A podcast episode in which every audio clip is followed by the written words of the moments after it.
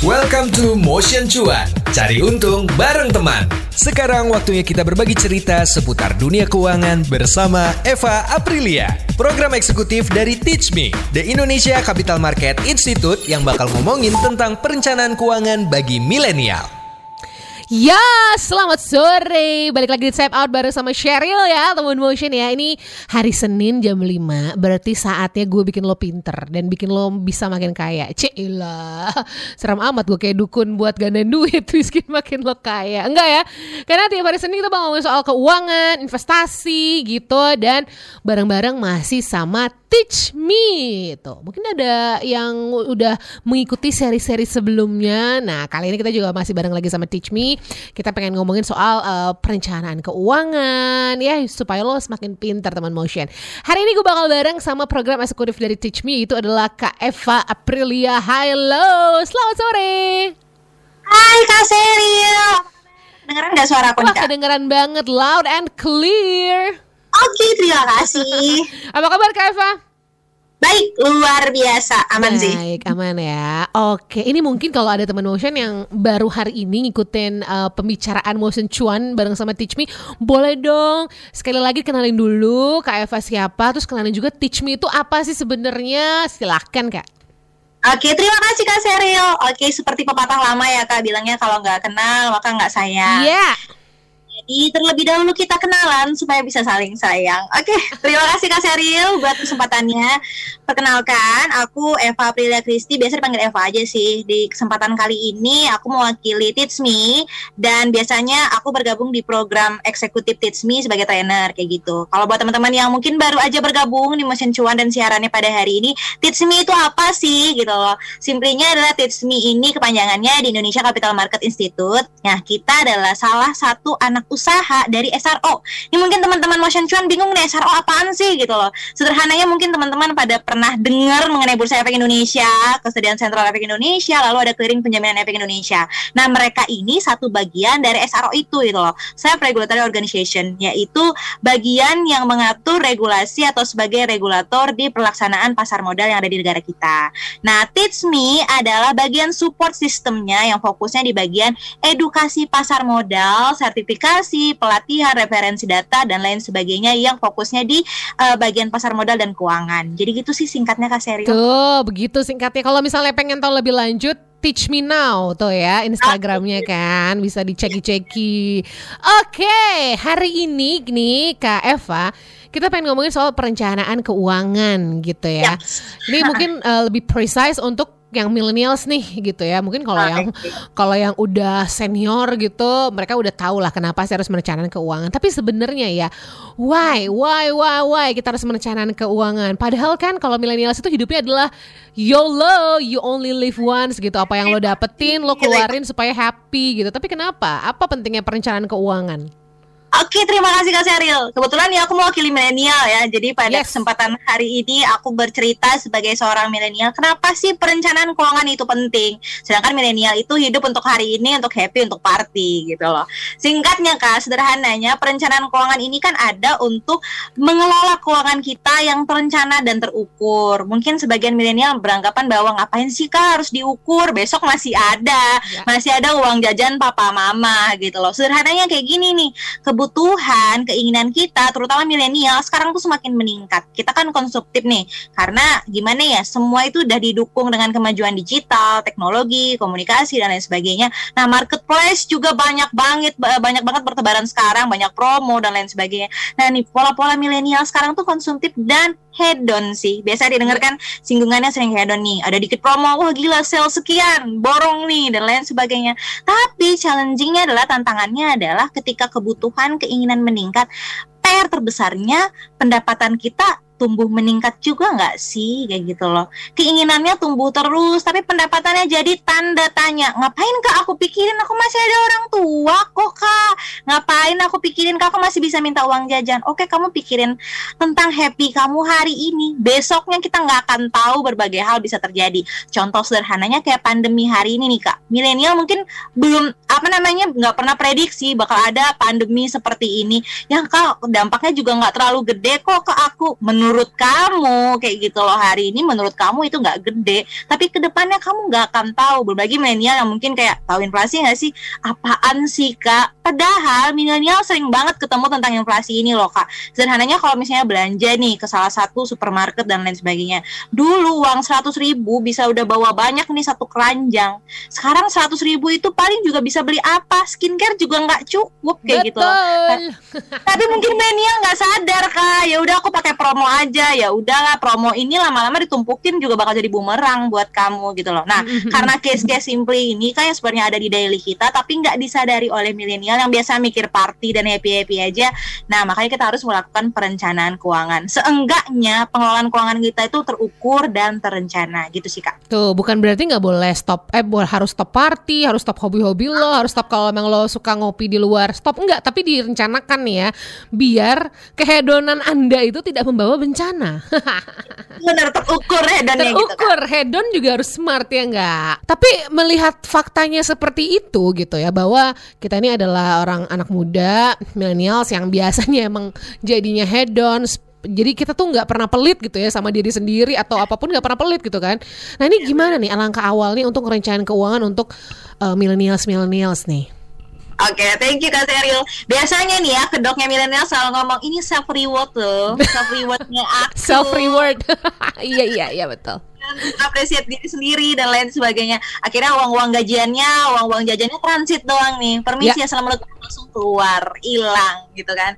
Kalau ditanya langkah awalnya seperti apa dan seberapa penting sih perencanaan keuangan ini, kayaknya buat uh, jadi catatan untuk semua milenial yang lagi dengar siaran kali ini itu masuk ke list priority udah masuk sesuatu yang prioritas gitu loh. Yang mungkin sebelumnya kayak dikesampingkan udahlah masih ada hari esok. Sekarang ini udah masuk list priority karena sekarang kemajuan teknologi komunikasi dan lain tadi udah disinggung di awal serta hal-hal unpredictable di awal eh di, di waktu yang akan datang itu akan jadi bumerang tersendiri kalau teman-teman motion cuan nggak buat hal tersebut sebagai prioritas. Terus katanya langkah awalnya apa?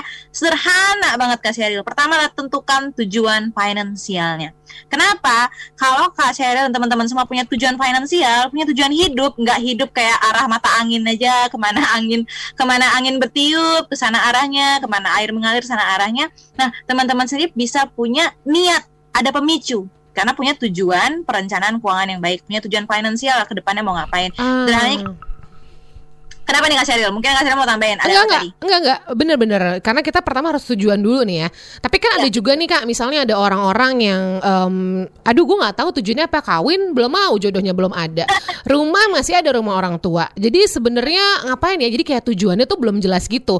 Boleh gak sih kalau memulai dari Oke deh tujuan belum ada nih. Tapi gue cuma pengen kayak uh, ngeliat sebenarnya selama ini tuh uh, cash flow gue nih ancur gak sih? Diawalin dari situ aja. Nah ternyata pas ngeliat cash flow-nya ternyata selama ini ancur nih besar pasak daripada tiang. Baru akhirnya punya tujuan. Bisa juga kan gak gitu ketika udah ancur-ancuran udah gak mau lagi nih lihat catatan keuangan nih. Udah lompat aja lah udah habis puas selama ini gitu loh. Iya, karena iya, selama iya. ini ngerasa buang cuma dua puluh ribu buang cuma sepuluh ribu per hari. Eh ternyata ketika dilihat catatan keuangannya gila gue udah buang 20 juta cuy oh, iya, ke mana bener. uang gue selama ini kayak gitu loh kalau ditumpul-kumpul bisa 20 juta tapi gue nggak ngerasa bentuk dan benda bendanya 20 juta itu hmm, gitu loh. Nah, itu hmm, hmm. bumerang kan. Itu kan jadi tantangan. Kak, karena gini loh, kembali lagi ke serial tipikal setiap orang tuh beda-beda ya. Karakter setiap orang tuh beda-beda. Pemicu setiap orang juga beda-beda gitu loh. Nah, ketika ditanya sama Kak Serial, kalau aku masih belum punya tujuan keuangan atau tujuan finansial secara yeah. harafiah hidup aku masih belum tahu apa, boleh nggak sih aku ngeliat catatan keuangan itu kan kembali ke diri masing-masing sih Kak Serial. Hmm. Kalau pemicu pribadinya seperti itu, is okay gitu loh, nggak hmm, salah. Tapi yes. sebenarnya kembali lagi hal itu sebenarnya tujuan juga nggak sih kak? Ya, Karena ya. kenapa sih? Karena ketika kita ngelihat catatan keuangan kita yang berantakan kayak gitu loh, nanti kita akan ngeliat nih buset gue besok ngapain nih? Kalau gue buang satu bulan 20 juta. Padahal ya padahal masuknya aja nggak jelas bulan depan akan bisa masuk 20 juta lagi atau enggak kayak gitu loh. Setiap orang punya pemicu kak. Tapi sebenarnya landasan utama adalah tujuannya harus jelas dulu. Hidup untuk hari esok tuh apa? Nggak serta merta tujuan itu cuma untuk beli rumah menikah dan lain sebagainya. Tujuan yeah. itu banyak kalau kak bernapas ya tujuan hidup asli. Gitu. tujuan kalo jadi punya financial freedom cila gaya banget. Benar benar kalau kita sakit kan gitu loh kalau kita kita sakit kita nggak apa namanya kita nggak sehat itu juga akan jadi bumerang dong. Berarti kesehatan juga masuk salah satu tujuan. Cuma mungkin kadang beberapa milenial kayak sabodo aja lah kayak gitu loh. Bagi aku tujuan itu sesuatu yang kompleks gitu loh. Padahal sebenarnya hal-hal yang sifatnya daily juga tujuan hidup sih. Besok mau makan apa besok mau belanja apa besok mau cari apa gitu loh. Sebenarnya nggak ada larangan nggak. Sebenarnya kayak disinggung di awal tadi nggak ada kayak kamu dilarang untuk beli kopi yang lagi kekinian kamu Iya. dilarang untuk ngikutin promosi dan enggak enggak ada yang larang cuma yang pasti ditekankan di awal adalah terencana dan terukur. Jadi pola pengeluaran keuangannya itu eh, yang dulunya masa bodoh sekarang dirapikan. Pengeluarannya berapa pendapatannya berapa. Yang awalnya kayak eh, strukturnya dibuang atau mungkin nanti ada bill-billnya dibuang sekarang coba deh disimpan tipis-tipis gitu Wah, Nah, horor tuh ya menyimpan bon-bon pengeluaran itu tolong nightmare. terutama nih kak terutama buat sesuatu yang sifatnya material nih. Kalau mungkin cuma keluar lima puluh ribu bagi seseorang nggak material nggak apa-apa ya. Tapi Mm-mm. kalau sifatnya material wah beli skincare gila merek A empat ratus ribu. Nah material banget nggak sih empat ratus ribu gitu loh. Ini gue glowing apa enggak nih? Kalau nggak glowing awal petaka gitu kan. Nah itu sebenarnya jadi pemicu sih kak. Jadi langkah awal niat awal adalah tujuan dan sesuatu yang jelas gitu loh. Ya. karena setiap orang punya tujuan dan apa namanya porsi kehidupan yang kompleks ya. Masing-masing nggak bisa kita generalisasi. Jadi kembali ke diri masing-masing pemicunya apa tapi dari aku saran pribadi adalah nentuin tujuan sih. Tujuan gak mesti harus yang berat-berat nggak nggak mesti Hmm. harus menikah besok harus ini. Eh, mau makan besok aja tujuan hidup sih. Mau ke mana aja nanti nongki juga tujuan hidup. Hmm, maksudnya ya hmm, tujuan kan bisa beragam ya kak. Tapi tentukan dulu tujuan yang jadi pemicu kita. Terutama yang bisa dicampukan sih. Kalau masih bisa masa bodoh berarti itu bukan pemicu. Gitu sih kak. Hmm, pemicu. Ingin memberikan cincin berlian yang karatnya gede untuk pacar gitu kan. Bisa aja kan? Beda-beda kan orang ya ya itu nggak pemicu lagi sih kak. Beban kayak beban. Beban. benar benar benar. Nah eh, berarti gimana nih caranya? Untuk mulai berarti eh, mencari tujuan dulu gitu ya kak ya?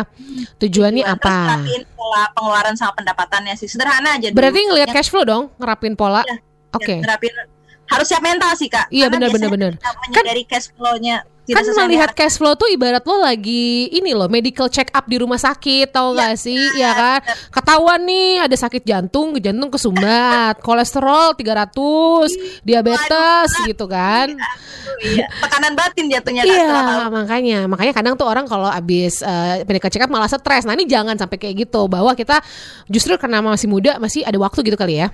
Ya jadi lebih ke mentality juga sih mentalnya disiapin. oke. juga terus Nah kalau kaitannya nih eh, Kak Eva perencanaan keuangan dengan investasi apa? Nah Kak Eva nih mau jawab nih silakan Kak. oke terima kasih kak Seril ini suara aku jelas ya Oh jelas bener. Takutnya hilang sinyal di telan bumi. Oke, terima kasih Kak. Tadi pertanyaan terakhir, apa sih keterkaitan perencanaan keuangan dengan investasi? Sederhananya adalah perencanaan keuangan adalah pondasi awal yang menjadi langkah penuntun kita untuk menentukan tujuan investasi ataupun langkah-langkah investasi. Kenapa sih Kak? Karena sederhananya gini nih, sekarang itu milenial terutama ya, karena kan platform online, media sosial udah support banget, jadi mudah banget kayak apa ya eh, kecenderungannya terhadap sesuatu yang hype itu cepat banget. Misalnya kayak ini lagi rame nih investasi di produk A, produk B, produk C dan produk D. Tapi sebenarnya milenial itu sendiri tahu nggak sih kenapa mereka harus investasi? Nah sebelum berangkat jauh ke sana perencanaan keuangannya udah aman nggak sih? Karena biasanya kita selalu merekomendasikan ketika ingin investasi adalah perencanaan keuangannya harus stabil terlebih dahulu. Karena yang digunakan adalah uang nganggur bukan dana dapur supaya kalau terjadi hal yang tidak diinginkan dalam keadaan pasar yang nggak stabil, nggak sibuk nyalahin siapa-siapa. Ah ini investasi bodong, ah ini kayak gimana ini portofolio saya merah, cuy, cuannya kagak ada yang ada malah buntung. Kenapa sih malah jadi ke arah sana singgungannya? Karena perencanaan keuangannya nggak stabil dan tidak terukur.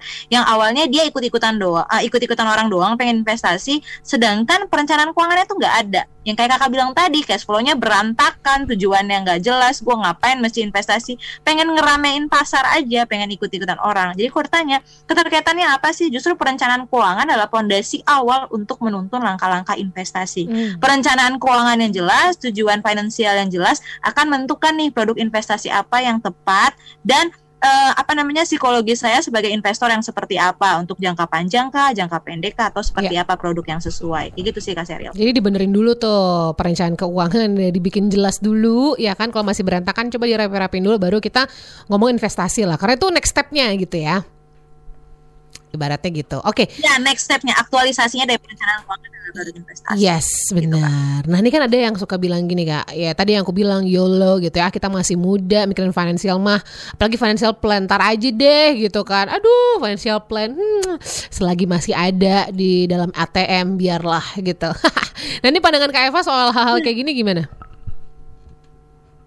Sebenarnya kalau tanya pandangan ya kak ya ini kembali ke karakter setiap individu. Sebenarnya kalau ngelihat ke arah sini uh, kecenderungannya adalah mentality teman-teman kita di milenial nih yang masih belum bisa mengontrol emosinya terutama emosi dalam pengendalian keuangan gitu loh.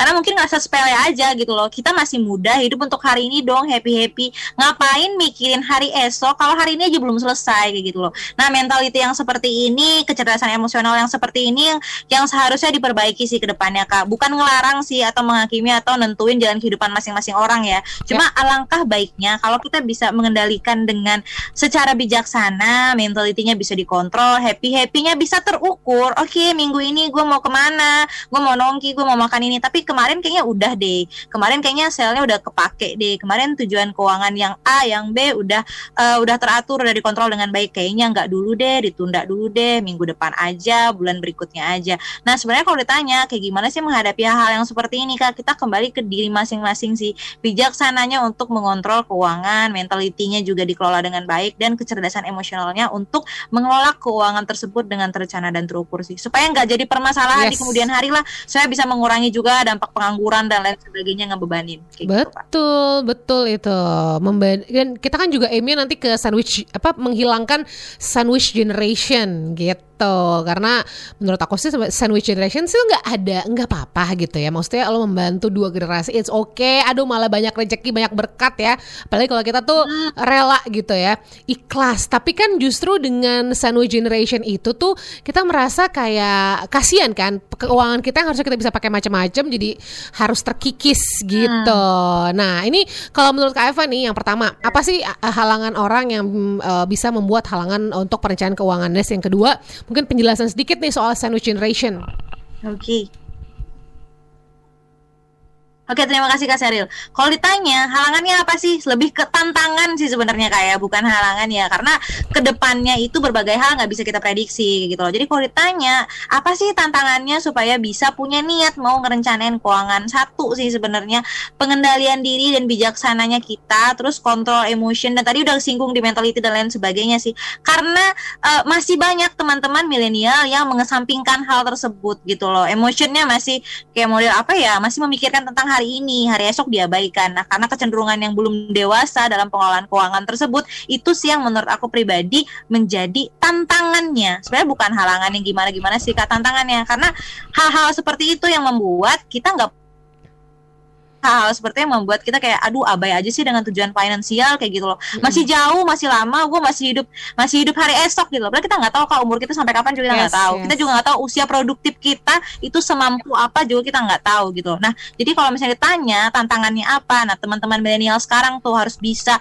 uh, ngontrol emotionnya nggak kalap ketika ngeliat promo dan lain sebagainya. Jadi ketika mentality dan kecerdasan emosionalnya dalam pengelolaan keuangan sudah stabil istilahnya sudah mampu mengukur tipis-tipis aja. Nah Nah, ke depannya tuh baru mulai secara advance lah melihat perencanaan keuangan lebih luas gitu ya, sih kak. Benar. Nah, um, berarti juga salah satunya kan tadi pengen terbebas dari sandwich generation gitu ya kak. Mungkin ada penjelasan sedikit sandwich generation, walaupun hmm. ada juga teman motion yang udah tahu, tapi ini biar sah aja nih sandwich generation. Uh, apa sih penjelasan secara singkatnya gitu kak? Oke. Okay. Ya, terima kasih Kak Saril. Sebenarnya sandwich generation ini lagi hype banget ya. Teman-teman milenial pasti udah kayak gimana ya, udah kekinian banget lah. Hmm. Oke. Okay. Sebenarnya ini uh, hal sederhananya adalah kak ketika dulu di masa lampau mungkin kesadaran teman-teman dan orang tua dan lain sebagainya itu belum se apa ya se, se hype sekarang mengenai keuangan. Dan keadaan dulu juga nggak bisa dikompar sama sekarang. Sekarang tuh majunya drastis banget kak. Signifikan banget. Dan malah terkadang beberapa hal itu nggak bisa dikontrol kemajuannya kayak gitu loh. Misalnya dulu misalnya kemajuan teknologi per 10 tahun per 20 tahun sekarang tuh nggak ada. Dalam sekian tahun aja bisa majunya tuh luar biasa. Nah keadaan-keadaan kayak gini nih yang membuat uh, milenial secara tidak langsung terjebak dalam sandwich generation ini kayak gitu loh. Ngurus diri sendiri aja belum selesai tercapai tapi harus punya tanggung jawab ke orang tua. Tanggung jawab lagi ke anak ke adik ke kau ya udahlah ke kerabat semua tetangga kalau perlu juga sama nih dipikirin kayak gitu loh. Selain karena culture-nya kita juga yang memang secara tidak langsung punya tanggung jawab nih untuk berbagi dengan sesama berbagi tanggung jawab ke orang tua dan lain sebagainya. Tapi kita sendiri nggak tahu kita sendiri nggak tahu perencanaan keuangan kita udah stabil apa belum sih kayak gitu loh. Nah sandwich generation inilah keadaan di mana kita membebani diri kita sendiri untuk bertanggung jawab ke atas ke bawah dan diri kita tetapi catatan yang te, apa namanya PR utamanya adalah pendapatan kita stabil nggak sih gitu loh. Meningkat nggak sih? Kita mampu nggak sih untuk merangkul hal tersebut? Itu menjadi pertanyaan terbesar tanggung jawab udah dibebanin nih kayak gitu loh. Ibarat kata kata orang tua lah lu kecil gue sekolahin gue didik kok giliran kayak gini lu nggak tahu diri sama gue gitu. Sebenarnya bukan masalah itu sih tapi keadaan sekarang itu menuntut kita untuk harus cepat transisinya gitu loh. Sekarang konsumtif semakin meningkat marketplace makin banyak kayak gitu loh. Biaya sekolah aja jauh 10 tahun lalu di compare sama sekarang kayak gitu. Nah sensitive generation ini jadi PR gitu loh. Kalau perencanaan keuangan kita berantakan eh, kemajuan semakin banyak tuntutan semakin tinggi. Nah kalau nggak bisa kita mengelola dan mengendalikan maka jadi bumerang kak. Kita ya, akan nggak ya. bisa bertahan sih dengan kemajuan yang nggak terukur tersebut kayak betul, gitu loh. Betul betul banget sih. Nah ini ngomongin soal kemajuan yang nggak terukur berarti kita kita juga ngomongin perencanaan keuangan dan lain-lain gitu ya. Nah ini mungkin nih buat teman motion yang pengen banget belajar untuk berinvestasi pengen tahu lebih lanjut soal pasar modal atau investasi tah apa saham reksadana gitu ya. Bahkan kalau pengen ikut yang lebih advance lagi kelas persiapan nih untuk ujian kayak CFP, CFA, RSA, CSA dan EEE yang lain. Masih banyak workshop pelatihan lainnya ini nggak usah ragu langsung aja ya karena Teachme adalah anak perusahaan dari IDX, KPI dan juga KSEI yang memang fokusnya ini buat edukasi, sertifikasi dan juga data pasar modal. Jadi coba langsung dikepoin aja Instagramnya ada Teach Me Now dan juga uh, bisa langsung cek di teachme.co.id ya. Ternyata memang untuk perencanaan keuangan tuh butuh yang namanya mental, butuh yang juga yang namanya tuh apa ya? Lo tuh harus bener-bener mau dari diri lo sendiri sendiri gitu loh ya kan? Nggak dan melihat bahwa sekarang tuh terlalu banyak gangguan-gangguan yang bisa membuat keuangan tuh kayak aduh bisa terlalu boros. Nah makanya harus dimulai dari diri sendiri gitu. Nah sekarang kita balik lagi sama Eva April ya as a program executive dari Teach Me. Nah gue pengen tanya sebenarnya gini kak tujuan akhir dari sebuah perencanaan keuangan ini ada apa sih? Atau uh, kira-kira apa sih Oke, terima kasih Kak Seril. Tadi sebenarnya Kak Seril udah singgung sih. Tujuan akhirnya perencanaan keuangan itu apa? Financial freedom, yeah. kebebasan keuangan itu. Bebasnya di sini dalam artian kayak gini loh Kak. Kita bisa melaksanakan atau menentukan tujuan hidup tanpa harus mikirin beban cicilan atau tagihan-tagihan kehidupan lain.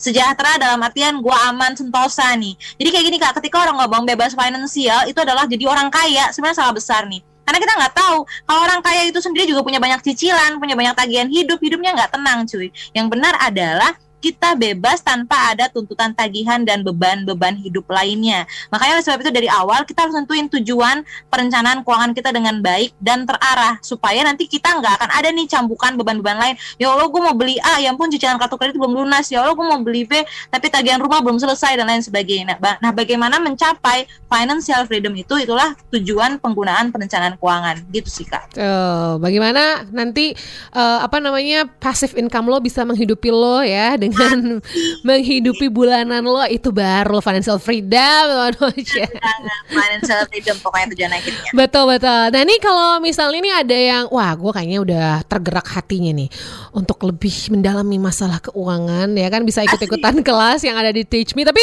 benefitnya apa nih kalau kita ikut-ikut kelas yang ada di Teach Me benefitnya apa?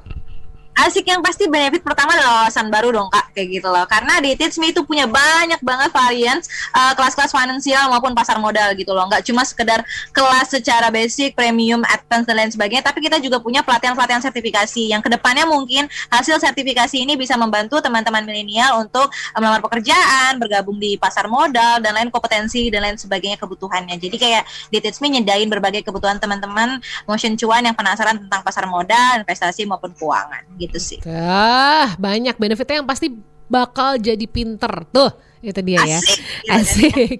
Kak, ini sebenarnya pengen ngobrol sampai besok pagi sih sejujurnya eh, ya, boleh, pengen boleh, besok boleh, pagi. Tapi karena waktunya terbatas, boleh kasih mungkin ini penutupan atau closing statementnya uh, dari Kak Eva. Silahkan loh kalau pengen kasih pesan-pesan ke teman motion lagi dengerin. Oke, okay, pesan-pesan utamanya jangan lupa untuk cek Now ya dan cek teachme.co.id supaya lebih tahu banyak tentang finansial, keuangan, lalu ada pasar modal investasi yang sifatnya lebih advance dan premium. Tapi simpulan dari hari ini terutama buat teman-teman milenial sih, mulai dari sekarang action dulu, jangan wacana aja supaya ke depannya kamu nggak jadi beban kehidupan seperti Sweet Generation tersebut. Jadi dikelola dari sekarang, perencanaan keuangannya tentukan tujuan kehidupannya kemudian supaya nggak hidup seperti arah angin aja. Gitu sih buat teman-teman teman-teman semua. Jangan hidup seperti arah angin, lihat besok deh kayak happy go lucky gitu. Enggak ya. harus direncanakan. Teman motion lo aja kawin nanti kalau mau nikah harus direncanain. Nggak bisa kan? Ya terserah deh. Pokoknya nikah nih. Kira-kira dua tahun lagi. Terserah deh sama siapa aja deh. Gitu kan nggak mungkin kan? Harus tetap ya, ya. oke. Jangan lupa teman motion ya. Uh, ini kalau pengen lihat kelas-kelasnya di Teach Me ini ada banyak banget. Lo bisa belajar pasar modal investasi saham reksadana bahkan bisa ikutan kelas persiapan ujian kayak CFP CFP CFA, RSA atau CSA dan pokoknya workshop-workshopnya juga banyak banget. Gak usah ragu kalau apaan sih teach me. ketawa. Me ini adalah anak perusahaan dari IDX, KPI dan juga KSI yang Nah, itu. Artinya adalah KPI dan juga KSI yang fokusnya buat edukasi, sertifikasi dan juga data pasar modal. Jadi terpercaya. Kalau pengen lihat lebih lanjut, dibuka Instagramnya Teach Me Now atau bisa dibuka langsung di teachme.co.id begitu. Kak Eva, thank you so much for your time. Terima kasih banyak ya. Ya terima kasih kak, aku yang mohon maaf jika ada yang gak berkenan, oke? Okay? Oke, okay. pokoknya mudah-mudahan kita bisa menjadi generasi yang lebih kaya dari generasi-generasi sebelumnya ya. Amin. Amin. Amin. Thank you kak Eva, bye-bye. Itu dia Motion Cuan. Cari untung bareng teman bersama Teach Me, The Indonesia Capital Market Institute. Teach Me merupakan anak perusahaan dari Bursa Efek Indonesia yang sudah diakui dan diawasi langsung oleh OJK. Sampai ketemu di episode Motion Cuan bersama Teach Me minggu depan.